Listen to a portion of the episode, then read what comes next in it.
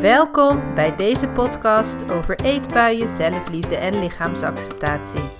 Ik ben Frauke van Spicy Pepper Coaching en van de Blij met je Lijf Club.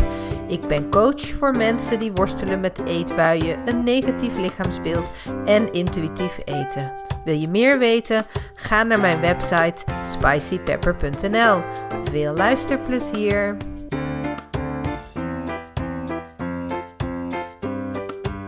Hey, welkom bij weer een nieuwe opname. Of je luistert dit op mijn podcastkanaal of je bekijkt deze video op mijn YouTube-kanaal. Ehm, tegenwoordig gaan die twee samen. En um, nou ja, zowel mijn YouTube-kanaal als mijn podcastkanaal heet hè, um, Eet bij je zelfliefde en lichaamsacceptatie. En ik wil vandaag met je praten over zelfliefde. Nou, even kijken, ja, of mijn microfoon goed stond. um, zelfliefde. Zelfliefde. Eh, gisteren, ik werd namelijk getriggerd door een artikel dat ik gisteren las over, in een magazine over zelfliefde. En het was heel oppervlakkig. Hè? Het ging over zelfliefde, um, een dagje naar de sauna, hè? jezelf dat gunnen. Of uh, koop eens wat duurdere douchegel. En, hè, of ga eens lekker in bad met een lush uh, bruistabletbal. um, hè, dat zat hem allemaal in dat soort gedragingen. Hè? Zelfliefde, geef jezelf me-time, geef jezelf mooie cadeautjes. En dan groeit je zelfliefde vanzelf. Nou, daar vind ik natuurlijk wat van. Zelfliefde uh, is ook iets wat echt um, ja, verbonden is hè, aan lichaamsacceptatie en aan eetbuien. Het is echt een onderwerp wat vaak centraal staat, ook in mijn één op één coachingsgesprekken met klanten. Um, en het is niet zo dat je werkt aan je zelfliefde. Uh, en daarvoor moet ik je eigenlijk, ik ga daarvoor ook weer even beginnen bij het begin. Hè, van als we geboren worden. In principe worden we geboren met zelfliefde, met zelfrespect. Alleen gaandeweg uh, verliezen wij steeds meer zelfliefde. En we verliezen zelfliefde omdat we ons steeds onveilig voelen. En we allerlei mechanismes gaan uitvoeren om, die, om door die onveiligheid te navigeren. Hè? Bijvoorbeeld, denk er maar aan dat je als puber, uh, of nou nee, op de basisschool misschien al bij een groepje wil horen. Uh, je gaat jezelf daardoor een beetje veranderen. Je gaat jezelf bijvoorbeeld anders voordoen. Soms overschrijf, overschrijd je je eigen grenzen ook, hè? in groepsdruk bijvoorbeeld omdat er een basis, een kern is van een onveilig gevoel in jezelf. En je gaat jezelf daardoor veranderen, waardoor je steeds verder ja, verwijderd raakt eigenlijk. Hè? En die onveiligheid die bouwt zich eigenlijk alleen maar op hè, gedurende je leven. En je krijgt daar ook steeds meer last van. En Um, je kunt dit ook terugzien, misschien ben je zelf wel eens in therapie bijvoorbeeld geweest hè, en heb je een heel goed idee waar jouw onveiligheidsgevoel vandaan komt. Hè? Heb je bijvoorbeeld nare dingen meegemaakt waar je nare herinneringen aan hebt of waar nare gevoelens aan verbonden zijn. Um, het kan ook zijn dat je structureel narigheid hebt gekend, bijvoorbeeld in je gezin, waar misschien wel misbruik of geweld aanwezig is geweest of onderdrukking. Um, dat, dat, is, um, dat geeft je een heel groot gevoel van onveiligheid. Onbewust natuurlijk, niet bewust. Uh, dus op een diepere laag. Uh, waardoor je uh, nou ja, vanuit, uh, hoe zeg je dat, overlevingsstrategie natuurlijk ook, dingen gaat veranderen aan jezelf. En jezelf dus ook anders gaat zien. Hè? Je gaat soms ook jezelf wegstoppen, jezelf verstoppen. Hè? Je kan zijn dat je nu in je volwassen leven merkt dat je een enorme people pleaser bent. En dat je het heel lastig vindt om daar los van te komen. Hè? Dat andermans meningen over jou heel belangrijk voor jou zijn. En als we dan even de vertaalslag maken hè, naar, naar eetgedrag en lichaamsacceptatie, hè, dat jij het heel belangrijk vindt uh, dat jij voldoet aan een bepaald plaatje. En dat jij heel erg bezig bent met, met wat anderen van jou denken, het oordeel dat anderen over jou hebben. Het kan ook zijn hè, dat je juist worstelt met eetbuien omdat je heel vaak uitgeput bent, omdat je altijd harder loopt voor een ander dan voor jezelf. Hè? In, de, in de onderlaag um, ja, zit daar een gevoel van onveiligheid dat je doet wat je doet. Um, en daar waar die onveiligheid zich bevindt, daar is geen ruimte voor zelfliefde, omdat je kiest om uh, onbewust natuurlijk. Hè? En misschien ook nu je deze, deze uh, opname luistert of bekijkt, dat je daar bewuster van wordt. Uh, je, je kiest daar onbewust voor. Um, om, je, ja, om vanuit die onveiligheid je toch enigszins veilig te voelen. Maar het is een schijnveiligheid. Hè? Dat de validatie van andere mensen, de waardering van andere mensen, hè? De, de complimenten van andere mensen, dat dat heel belangrijk voor je is. En dat heeft natuurlijk invloed op je dagelijks leven, want dat wat anderen bijvoorbeeld van je vinden, of dat het kan ook bijvoorbeeld gaan over dat je uiteindelijk hebt geleerd om een bepaalde hoge lat hoog te houden, hè, of bepaalde prestaties te leveren. Um, ja, dat kan natuurlijk impact hebben op waarom je eetbuien hebt, waarom je ontevreden bent over je lichaam, waarom je jezelf wilt veranderen. En zelfs daarin, in die processen, hè, in je dieetproces bijvoorbeeld, wanneer het niet lukt, dat je boos op jezelf wordt, omdat je vindt dat je geen wilskracht hebt en geen doorzettingsvermogen. Hè. Dat komt heel erg vanuit ja, die onveilige plek als het ware. Hè? Dat je niet goed genoeg doet, dat je niet goed genoeg bent die oordelen eigenlijk. Hè? En ja, je kunt je afvragen voor wie je eigenlijk hè, dat allemaal aan het doen bent. 9 van de 10 keer, hè, wat merk ik in mijn, in mijn coachingspraktijk, is dat omdat mensen zijn afgestemd op die druk van buitenaf.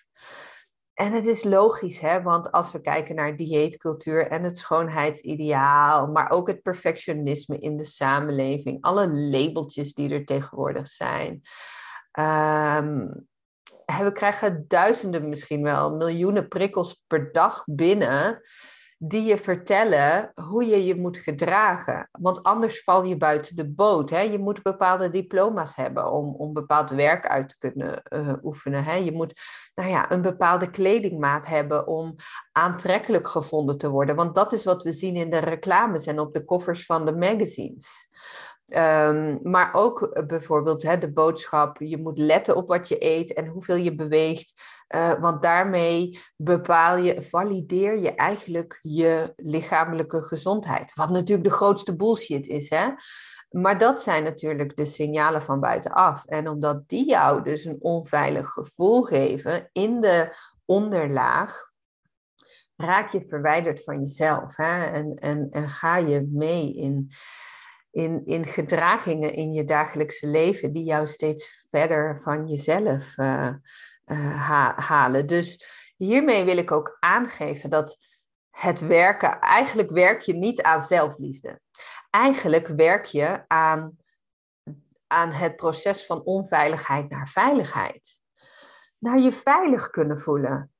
Naar, je, naar te mogen vertrouwen op jezelf. Naar um, je, de, de, oordelen van anderen los te mogen laten. Uh, ja, dat is natuurlijk weer een resultaat hè, van, van veilig voelen. Maar dat je echt mag terugkomen bij jezelf. En dat je helemaal in de basis prima bent zoals je bent. En, en daardoor, um, hè, dat is iets uh, waar ik. Nou ja, waar, waar ik zelf altijd heel erg aan werk, is mezelf de vraag stellen: uh, waar zit voor mij hier de onveiligheid? Zo, uh, uh, waar in dit conflict of in dit gedoe of hè, in deze negatieve gedachten voel ik mij weer onveilig? En daarin mag ik mezelf geruststellen. En dat is eigenlijk wel ook weer een mooie brug naar bijvoorbeeld dieetgedrag, hè, je lichaam reageert ook heel erg op die onveiligheid. Kijk, je, je lichaam heeft een constante hè, energie nodig en voedingsmiddelen ook om dat hele apparaat in leven te houden, om het maar even zo te zeggen. Hè, om uh, um, fysiologisch natuurlijk, hè, je spieren sterk te houden, je, je bloed te laten stromen, je hart te laten pompen, uh, je hersenen te laten werken, maar ook zo hè, je emoties daar te kunnen laten zijn en het hele mentale stuk. En wanneer je gaat diëten, dan ga je dus hè, zitten uh, knoeien met die energieinname en met die voedingsmiddeleninname, waardoor jouw lichaam zich onveilig gaat voelen. En in jouw reptiele brein gaat er automatisch de noodknop op die zegt wij moeten ingrijpen, we voelen ons onveilig. Ehm, hè, en we gaan, nou ja goed, dan kom je dus hè, op dat metabolisme verhaal. Hè, we gaan uh, verbranding verlagen, we gaan de energie of de vetopslag uh, verhogen. Um, nu gaan we een beetje op een zijspoor. Dat is ook precies de reden hè, waarom wetenschappelijk bewezen 95% van diëters na uh, lange termijn altijd weer aankomen. Omdat je lichaam ingrijpt. Je lichaam voelt zich onveilig. Dus die onveiligheid is niet alleen maar iets wat je ja, in je herinneringen en in je gevoelens kunt voelen.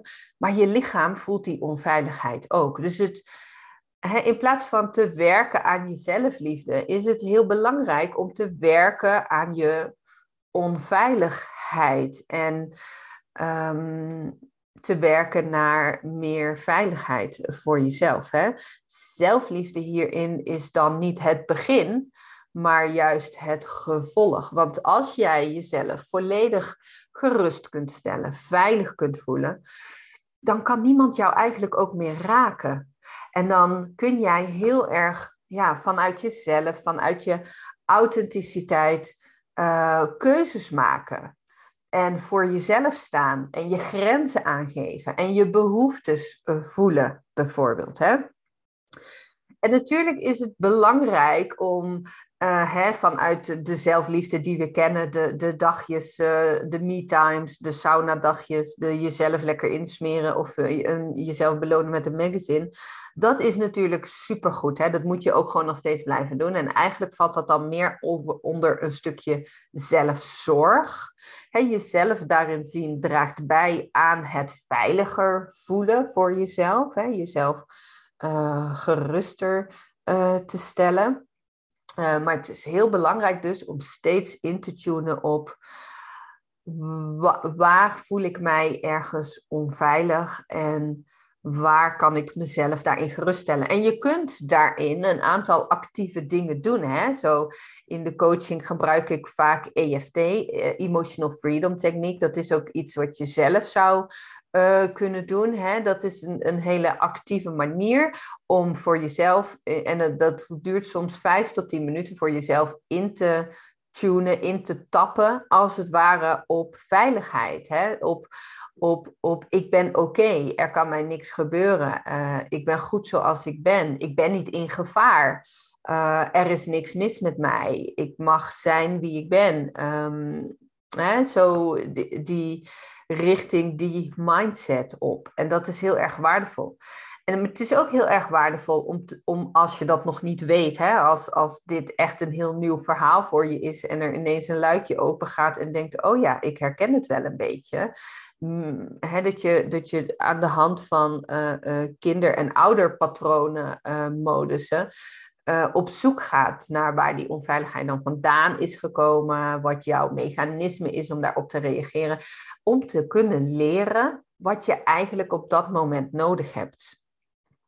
En, en, en 9 van de 10 keer is het geruststelling voor jezelf, maar ook mildheid naar jezelf toe. Hè? Um, um, ja, die lat wat lager leggen, jezelf af te vragen: voor wie ben ik nou eigenlijk zo hard aan het werk? En met aan het werk bedoel ik niet letterlijk aan het werk, maar voor wie ben ik nou zo hard van mezelf verwijderd? Aan het people pleasen, hè? Of, of perfectionistisch aan het zijn. Of, uh, en en dat, dat voor wie, dat is ook vaak een, een lager onderbewust antwoord. Hè? Het is niet dat je dat voor je kinderen of voor je man doet. Um, maar ergens is dat onveilige gevoel vandaan gekomen. Um, nou ja, goed, en daarin is het dus heel erg zinvol om te onderzoeken waar dat vandaan komt. Want het is niet meer relevant. Hè? Het, is, het is iets van vroeger wat je hebt meegenomen, waar je eigenlijk nog steeds aan, aan, verbonden bent. Uh, maar wat helemaal niet meer van nu is. Want jij bent gewoon prima zoals je bent. Met je hele zijn. En dus ook met je lichaam. En ook met je eetgedrag en met je eetpatroon. En je bent aan niemand verantwoording schuldig. En je hoeft ook uh, niet een ander beeld voor te doen voor anderen. Je bent ook absoluut niet onaantrekkelijker nu dan in jouw ideaalbeeld. Dan dat je bijvoorbeeld slanker zou zijn of minder dikke billen zou hebben. Hè, dat, dat is allemaal helemaal niet waar. En daarin zit voor jou het werk om jezelf het gevoel te geven: hé, hey, ik ben gewoon veilig. Ik hoef niet te vechten. Ik hoef niet uh, te knokken. En dus ook steeds hè, op de momenten dat er bijvoorbeeld gedoe is, hè, lichaamsgedoe, eetgedoe, en daarmee bedoel ik uh, niet helpende eetgedachten, uh, niet helpende lichaamsgedachten. Oh, ik voel me lelijk. Oh, ik zie er niet uit. Oh, ik moet afvallen. Maar ook, um, oh, ik heb lekkere trek. Oh, ik moet echt iets eten nu. Um, of oh, juist eigenlijk vooral wat er daarna gebeurt. Oh, het is misgegaan. Uh, boos op jezelf zijn, schaamte hebben. Dat je dus niet bezig bent met hou ik wel genoeg van mezelf. Maar dat je dus echt bezig bent met waar heb ik me nou juist zo net onveilig over gevoeld. En hoe reëel is dat? Hè, dus ja, zelfliefde is niet iets wat je leert, maar werken aan je onveiligheid naar je veiligheid is wel iets wat steeds meer zelfliefde creëert. En in het werken naar die veiligheid, hè, dat is wat, wat ik vooral doe met mensen in de één op één coaching, is het bijvoorbeeld ook heel belangrijk om jezelf te vergeven. dat is ook iets wat we bijvoorbeeld in de Blij met je lijfclub in het intuïtief etenproces heel erg tegenkomen met elkaar. Um, vooral in het begin, bij het afzetten van de dieetbril, zo heet, uh, zo heet dat. Dat je best wel boos en verdrietig gaat zijn op jezelf wanneer je realiseert wat je je lichaam en je geest allemaal hebt aangedaan de afgelopen jaren, terwijl je in die dieetstroom hebt gezeten. op dat slagveld van diëten en eetgedachten en lichaamsgedachten. dat, dat mensen echt verdrietig en, en boos kunnen zijn op zichzelf. Uh, hoe heb ik dit kunnen doen? Wat ben ik toch onaardig geweest en respectloos geweest voor mijn lichaam? En daarin hè, dat, dat is ook een, een um, emotie van onveiligheid. Hè? Ik heb niet goed voor mezelf gezorgd. Daarin is het heel belangrijk om jezelf te vergeven en ook duidelijk te zien dat je hebt gedaan wat je kon.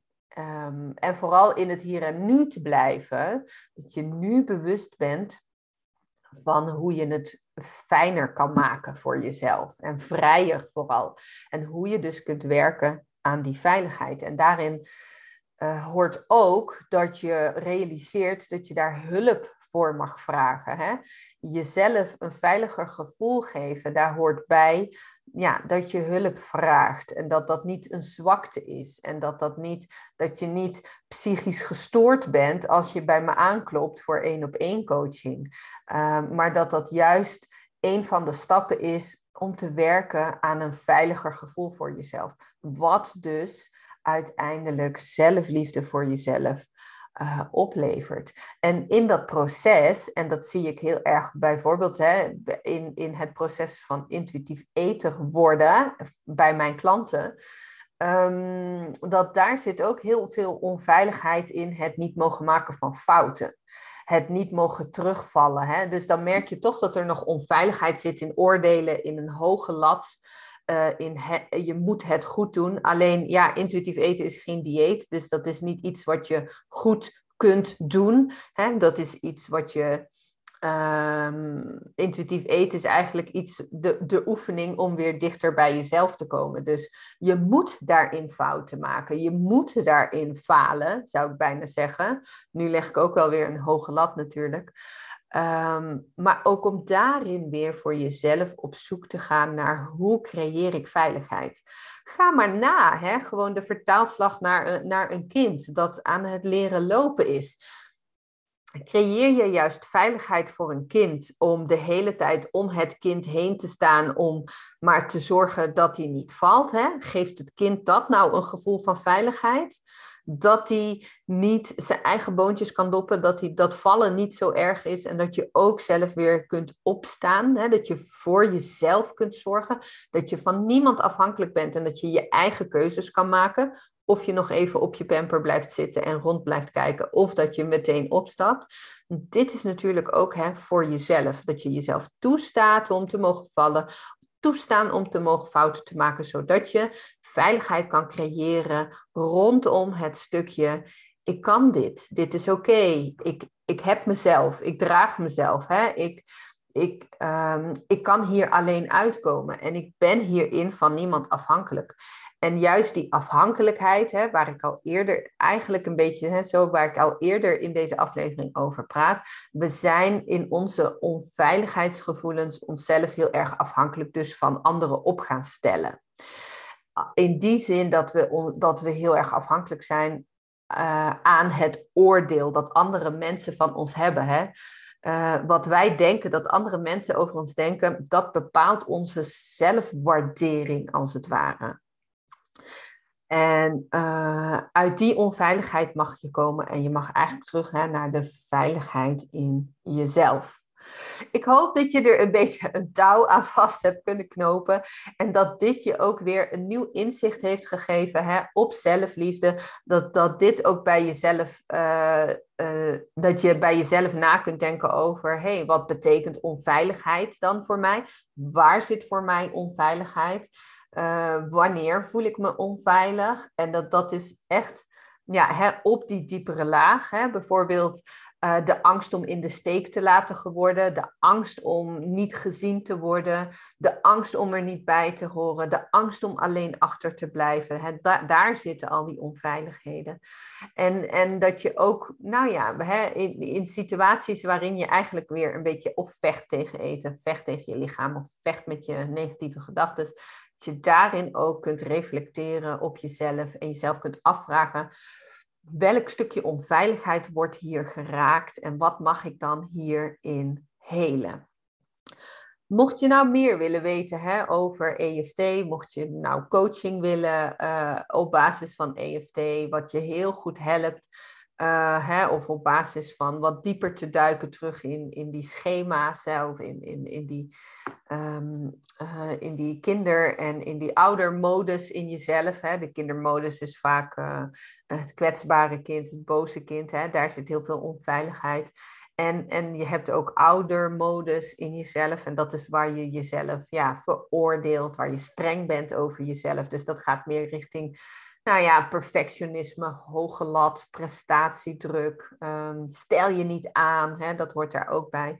Hè, zoals je met, met dat systeem aan de slag wil, nou ja, goed, dan ben je bij mij voor de één op één coaching natuurlijk heel goed Um, hoe zeg je dat? Aan het goede adres. Um, en um, ja, weet je, want het is gewoon allemaal gerelateerd aan de dagelijkse acties in ons dagelijks leven. En dat is ook waarschijnlijk een van de redenen dat je zo worstelt met je eetbuien en met je lichaamsbeeld. En dat je daarom zo in die kramp je lichaam wil veranderen. Dat je vindt dat je niet goed genoeg bent. Dat je steeds maar weer bezig bent met, met um, voedselinnamebeperking of uh, overmatig uh, bewegen. En het lukt je niet en het frustreert je. Um, en dan kom je toch inderdaad bij de eetbuien terecht. Hè? Want vaak krijg je eetbuien van dieetgedrag en van uitputting en van emotioneel eten, van frustratie en boosheid over jezelf. Nou, ik kan hier uren over praten, maar goed, dat weet je ook als je kijkt naar hoeveel afleveringen mijn podcastkanaal bijvoorbeeld al heeft. Um, ik ga het hierbij laten. Mogen het je uh, inspireren en als je vragen hebt, neem gerust contact met me op. Dank je wel voor het luisteren of het kijken naar deze aflevering. Doei doei! Yay! Leuk dat je de podcast helemaal hebt beluisterd. Heb je hier nou een vraag over? Of heb je een andere vraag waar je ook graag een podcast over zou willen beluisteren? Stel hem dan aan mij in de besloten Facebookgroep Stop Eetbuien en Emotie Eten.